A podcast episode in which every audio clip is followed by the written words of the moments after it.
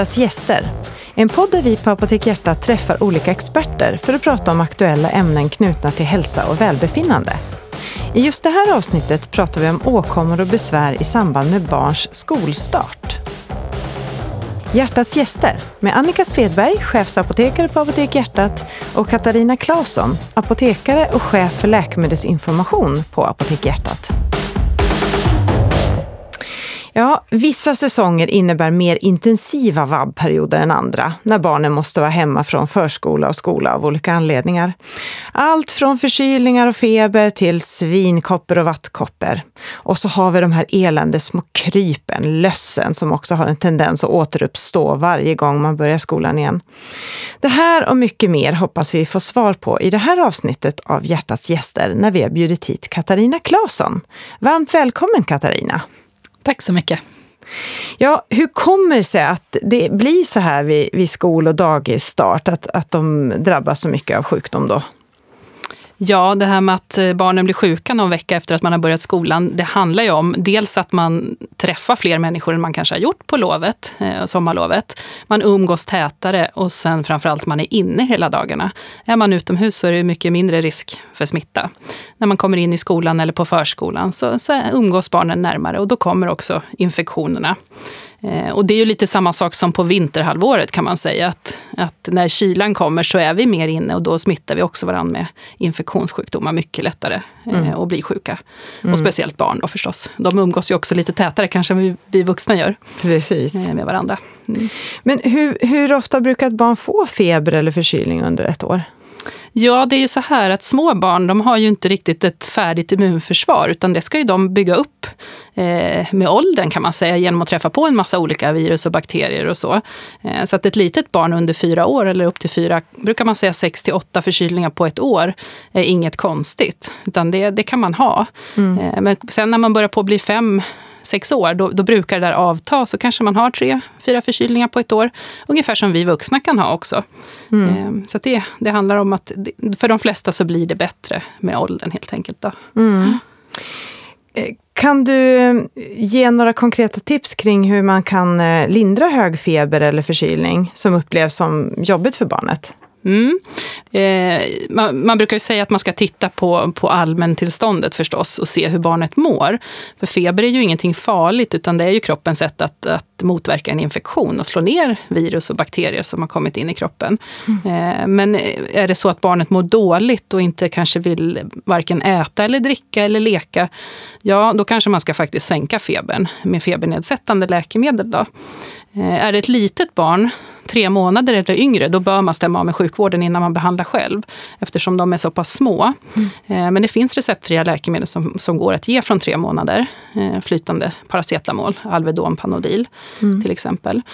Man kan också ge flytande Ipren från sex månader. Så det finns läkemedel som kan vara bra att ge då för att få ner febern och då blir barnen oftast piggare och orkar äta och dricka och, och vara uppe och leka och så.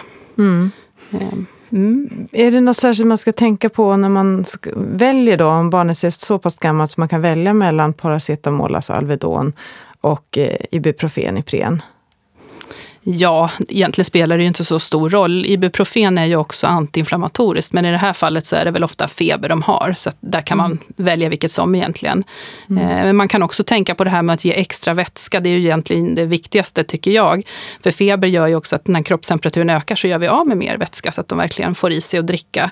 Eh, då. Det mm. kan man tänka på. Och man kan också tänka på att ha lite svalt i rummet så att man inte har alldeles för varmt. Mm, just det. Mm. Finns det några tillstånd där man inte ska använda Ibuprofen eller Alvedon? Mm. Eh, just Ibuprofen ska man inte ge om barnet har vattkoppor. Så att det kan man tänka på. Det står även i bipacksedeln på läkemedlet också. Man mm. läser noga där. Mm. Mm. Vad bra. Um, när kan man då säga att barnet är frisk nog att återgå till, till förskolan eller skolan? Mm man brukar ju märka det ganska väl när barnen är pigga på sig och blir som vanligt igen. Eh, men man ska ju förstås inte ha feber. Eh, och sen brukar vi också säga att man ska ha ett feberfritt dygn efter att febern har gått ner. Eh, så att barnet är hemma och hinner vila upp sig. Och det handlar ju både om att inte smitta andra men också att barnet faktiskt ska orka med de aktiviteter som är i, förskola och skola. Så mm. att man, man inte går tillbaka för tidigt och får tillbaka det. Mm. Mm. Finns det något annat sätt att, att eh, undvika förkylningar överhuvudtaget eh, för barn och även vuxna? Det där har ju tendens att snurra runt i familjen också. Mm. Ja, det är ju svårt att undvika, men en viktig sak är ju det här med handhygienen. Att man tvättar händer ordentligt noga med ljummet vatten och tvål. Eh, och att man kan ju komplettera med handdesinfektion, handsprit under vintersäsongen om man vill det. Men handhygienen och försök att inte peta i näsa, mun och ögon och sådana här saker kan man ju försöka lära barnen. Hosta i armvecket och försöka undvika eh, att nysa på andra och så. Mm. Eh, och kan man vara ute så är det ju bra att vara ute för att verkligen få den här friska luften och inte vara så nära andra då. Kanske inte undvika tunnelbanan om det går. Mm. Sen går det ju inte alltid. Och vi vuxna blir ju också förkylda eh, varje år, det är ju så. Fast mm. vi har ett bra immunförsvar. Mm. Precis. Mm. Ja, om vi lämnar förkylningarna därhän och går vidare till de här småkrypen eh, och annat elände man kan drabbas av också och ofta gör då i början av skolterminen. Eh, det här med löss, eh, det kommer ju ofta då. Hur kommer det sig? Jag menar, det har väl ingenting med, med eh, temperatur och sådär att göra, eller? Nej, men det är ju lite samma sak det här att man umgås tätare, man kommer tillbaks till skola, förskola, börjar hänga med sina kompisar. Eh, och är det då så att någon har löss med sig så är det väldigt lätt att de här lössen sprids om man lånar varandras mössor eller man kanske gosar ihop huvudena när man sitter och, och läser eller någonting sånt där med sin bästa kompis. Så det är ju just närheten till varandra. Så att om man skulle tänka så att, att man ser till att kamma sitt, luskamma sitt barn innan skolstart, om alla gjorde det, då skulle vi nog kanske inte ha de här lössepidemierna som ju faktiskt kommer bara inom ett par veckor när man har börjat i skolan igen så kommer det ju mm. Eh, som ett brev på posten. Mm. Så det handlar om det. Och hur behandlar man det nu då? Mm. Det viktigaste av allt är ju att kamma, för att dels hitta om barnet har lös eh, och gärna över ett vitt papper eller ett handfat, för då ser man ganska tydligt om det trillar ner löss där, små grå aktiga varelser som är mm. rätt så äckliga. Mm. Eh, men kamma, kamma, kamma. Och gärna kamma även om man inte har hört att det går löss eller att ens barn har löss för att just hinna upptäcka. Eh, och, och sen inte vara rädd att säga till i skolan att nu har vi hittat löss. Sen behöver ju inte skolan sprida ut vilket barn det är, men man kan ändå säga att i den här klassen så går det löss. Kan alla vara snälla och kamma? Så slipper man de här ständigt återkommande epidemierna. Mm. Eh, men när man då har hittat löss, då ska man behandla med medicintekniska produkter som det heter. Och det är alltså en typ av oljor kan man säga som kväver eller torkar ut lössen så att de dör. Eh, och då kammar man först och sen har man i det här preparatet. Det finns ganska mycket olika preparat att välja på nu för tiden eh, på apotek. Då, så att man, vissa sätter man i torrt hår och andra sätter man i vått hår. Och så sitter de i en viss stund och så sköljer man ur dem. Mm. Eh, och sen kammar man igen för att se till att, att man får bort lössen och att man följer upp nästa dag och tittar så att man inte hittar levande löss igen. Eh, vissa preparater ska man även behandla en gång till efter ett antal dagar. Mm. Mm. Man pratade ju väldigt mycket ett tag om att man utvecklade resistens med de här lusschamporna. Hur är det idag? Mm. Man, precis, och det var ju de som är läkemedelsklassade och idag så använder man de här, man har gått över till de här oljorna som man inte har än, än idag i alla fall sett resistensutveckling för, utan de här kväver lössen så lössen dör. Um, så det, här, det är det förstahandsrekommendationen, att man ska ta dem. Och hur undviker man sen att barnet blir smittat igen när mm. man väl har blivit av med det? Ja, löss lever ju inte så länge utanför människokroppen. Men man kan ju ändå tycka att det känns skönt att sanera lite grann och tvätta lakan och kläder och sådana där saker förstås. Men sen är det ju det här att hålla koll och kamma. Eh, tala om om man hittar löss att andra har chans att kamma sina barn. Eh, har man en flicka eller ett barn med långt hår så kan det vara bra att sätta upp håret, flätor till exempel, för att ja, minska risken för att smitta och lära barnet. Låna inte andras kammar, låna inte andras mössor och så vidare. Mm. Det, det är liksom det. Men det där med att kamma är, det låter som en gammalmodig, ett gammalmodigt råd, men det funkar än idag ja. eh, bra. Mm. Ja, och när ens barn får löss, jag har ju varit med om det också, eh, så känner man ju plötsligt hur det börjar klia väldigt mycket i den egna skallen mm. också. Mm. Mm. Och så tror man att eh, ja, jag har också löss och det har nog alla andra i familjen. Ska man se till att behandla allihopa på en gång eller hur gör man? Ja, jag håller med om det. För ett symptom på löss är just den här klådan. Sen behöver man ju inte få klåda. Men, men om man själv känner, har man, har man ett barn där man har hittat löss, då ska man kamma alla i familjen. För det är ju ändå ganska sannolikt att har man delat säng eller syskon lekt tätt tillsammans så är det stor risk att man har blivit smittad faktiskt. Så man säger att man ska behandla dem där man hittar löss. Mm. Eh, så att kamma noga och titta. Men det är ganska sannolikt att hela familjen är smittade ändå. Mm. I alla fall de med långt hår. Ja, ja. Och, och där beror det ju också på hur man har eh, om det är riktigt små barn och man ligger tillsammans och läser mm. och så. Mm. Nu har jag faktiskt klarat mig båda gångerna, så jag har inte behövt behandla Nej, mig. Så att det, det är ju lite olika det där. Men mm. som sagt var, eh, man får avvakta tills man verkligen hittar lössen. Då. Nå någonting annat som, eh, som ofta barn drabbas av också, på dagis framför allt, men även i skolor, eh, är ju springmask. Det är nästan ännu värre, eller hur? Hur ja. man ska göra sig av med det, tänker jag. Ja, precis. Ja. Och ett, ett, symptom på att, man har, att barnet har mask, det är det här att det kliar i rumpan. Mm. Och kanske framförallt när de går och lägger sig på kvällen, när maskarna är lite extra aktiva, de här mm. springmaskarna. Och då måste man behandla med ett läkemedel som finns receptfritt på apoteket. Eh, och som man då tar i tablettform för att få bort maskarna. Eh, man upprepar det här efter eh, ungefär två veckor för att ta död på eventuella kvarvarande maskar då, som kanske var ägg vid första första behandlingen och som sen utvecklas. Men det viktiga där är hygienen, för de här maskäggen är luriga. De kan överleva i damm nämligen. Så att där gäller det att har man hittat springmask hemma så måste man göra rent väldigt noga i badrum. Man måste ha en god handhygien, gärna klippa naglarna på barnet korta och sina egna också. Verkligen tvätta händerna ordentligt. Man måste tvätta gosedjur och såna här saker och städa ordentligt hemma så att man verkligen har sanerat. Mm. Så att det inte ligger några såna ägg som man andas in då och får återsmitta, att man blir, får mask igen helt enkelt. Då. Mm. Mm. Så det är egentligen det som är det jobbiga med springmask. Ja. Själva behandlingen är ju ganska enkelgjord. Man sväljer de där tabletterna ja. och sen är det klart och sen kör man en gång till. Då. Precis. Och det finns flytande, eller hur? Också? För ja, de som inte kan svälja. det finns flytande, men då är det på recept, receptbelagd medicin. Så då behöver man kontakta en läkare om barnet inte kan svälja tabletter. Just det. Sen kan det vara bra att veta att de här tabletterna är röda i färgen, så att man kan få röd avföring och rött kiss efter att man har tagit dem. Och det är inget farligt, utan det är bara visar att man, har, att, de har tagit, att man har haft dem i kroppen så att säga. Så, men det kan vara bra att veta om det. Ja, det kan verkligen vara bra, så man inte tror att man plötsligt har fått en ny sjukdom med blod i urinen. ja, Precis. det blir, kan bli riktigt knallrött. Och sen brukar jag ge tipset också att man ska tvätta saker, tvätta underkläder, tvätta pyjamasar och så, och inte låta det ligga i tvättkorgen öppet, utan kanske om man inte kan tvätta samma dag, så att man snor ihop det i en plastpåse tills man ska tvätta det. Mm. Eftersom de här maskäggen kan finnas även där då. Mm. Eh, och tvätta minst 60 grader. Mm, mm. Just det. Så både löss och springmask kan vi konstatera, det, det mm, är ju obehagligt, det är det för alla, men de flesta drabbas och det är ändå relativt enkelt att, att bli av med det. Mm. Det är mm. lite jobb bara, och särskilt när det gäller springmask. Då. Mm.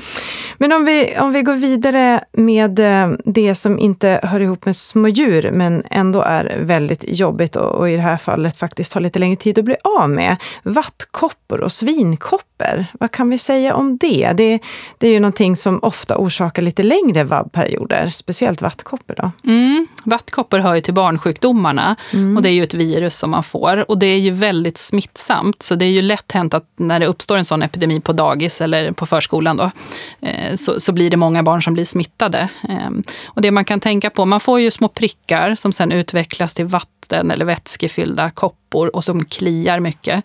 Och det är inte förrän de här kopporna har torkat in allihopa som man är smittfri. Så det kan ju bli en ganska lång vabbperiod. Har man otur kan det också bli så att man har flera barn, så när det ena barnet är friskt så kommer nästa efter två veckor. Mm. Så får man vabba igen då. Mm.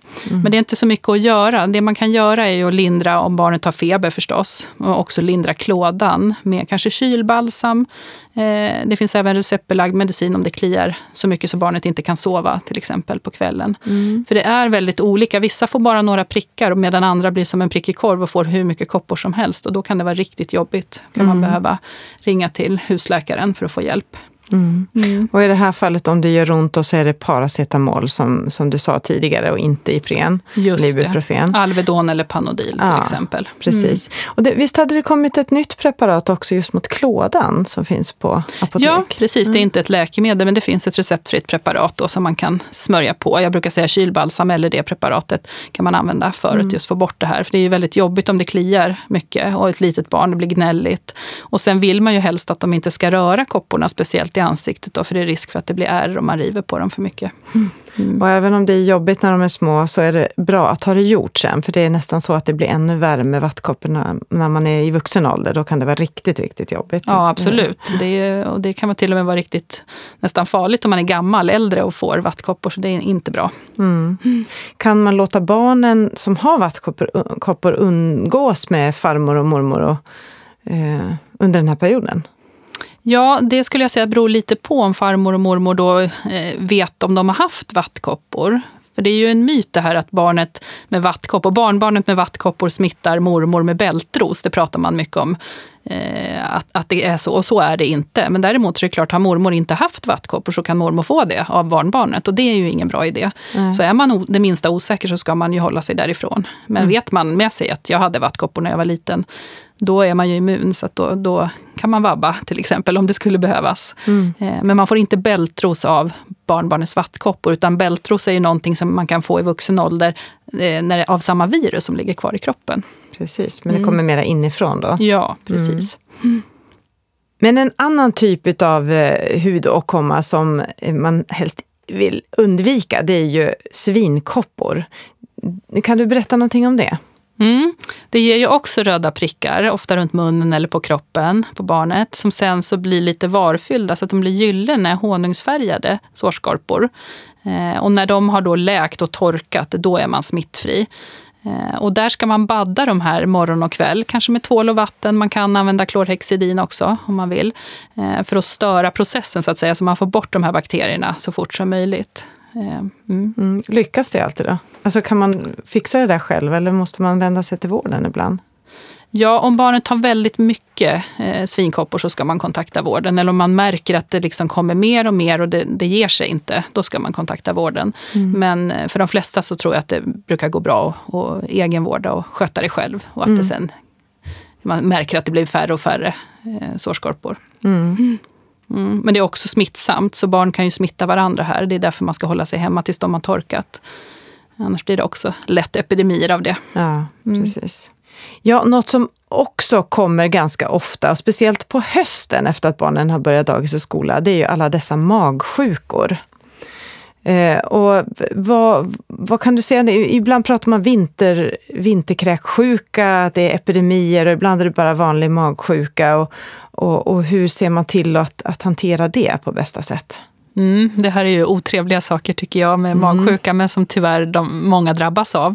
Eh, och om det är vanlig magsjuka eller vinterkräksjuka kan ju vara svårt att, att veta ibland faktiskt. Men, men det är det här med kräkningar och att eh, barnet känner sig svagt. Man får feber ofta också. Eh, och det, det, som är viktigt är ju förstås för att undvika det här, det är ju handhygienen igen. Det är samma saker som vid infektions, de andra infektionssjukdomarna. Tvätta händerna noga med tvål och vatten, det är grunden. Eh, och sen kanske inte använda samma handduk som alla andra eh, på förskola och skola och så i de här tiderna. Ehm, men också då om barnet blir sjukt, att man ser till att få i ordentligt med vätska. För när man kräks så blir man ju av med en massa vätska och blir svag. Och det kan ju vara så ibland att man behöver faktiskt skedmata med teskedsvis för att få i. Om man har ihållande kräkningar, så att man får i vätska. Även om man kräks om ett tag så alltid kommer det i lite grann. Mm. Det är viktigt. Ehm, man kanske behöver ge vätskeersättning också om barnet har väldigt mycket kräkningar. Mm. Och sen inte förstås vara hemma för länge med, med våldsamma kräkningar då, utan att kontakta kontakta sjukvården. Hur snabbt kan man låta barnet gå tillbaka till skola och dagis efter en kräksjuka? Ja, de ska ju verkligen vara hemma så att man är helt säker på att det här är borta. Och, och man brukar ju prata om det här med 48 timmar då, mm. just för att undvika smitta. Att efter smitta sista andra. kräkningen? Ja, efter ja. sista kräkningen. Mm. Eh, och sen kanske det inte är helt lätt att exakt veta hur många timmar har det gått, men det är ju två dygn ungefär. Då. Mm. Just det.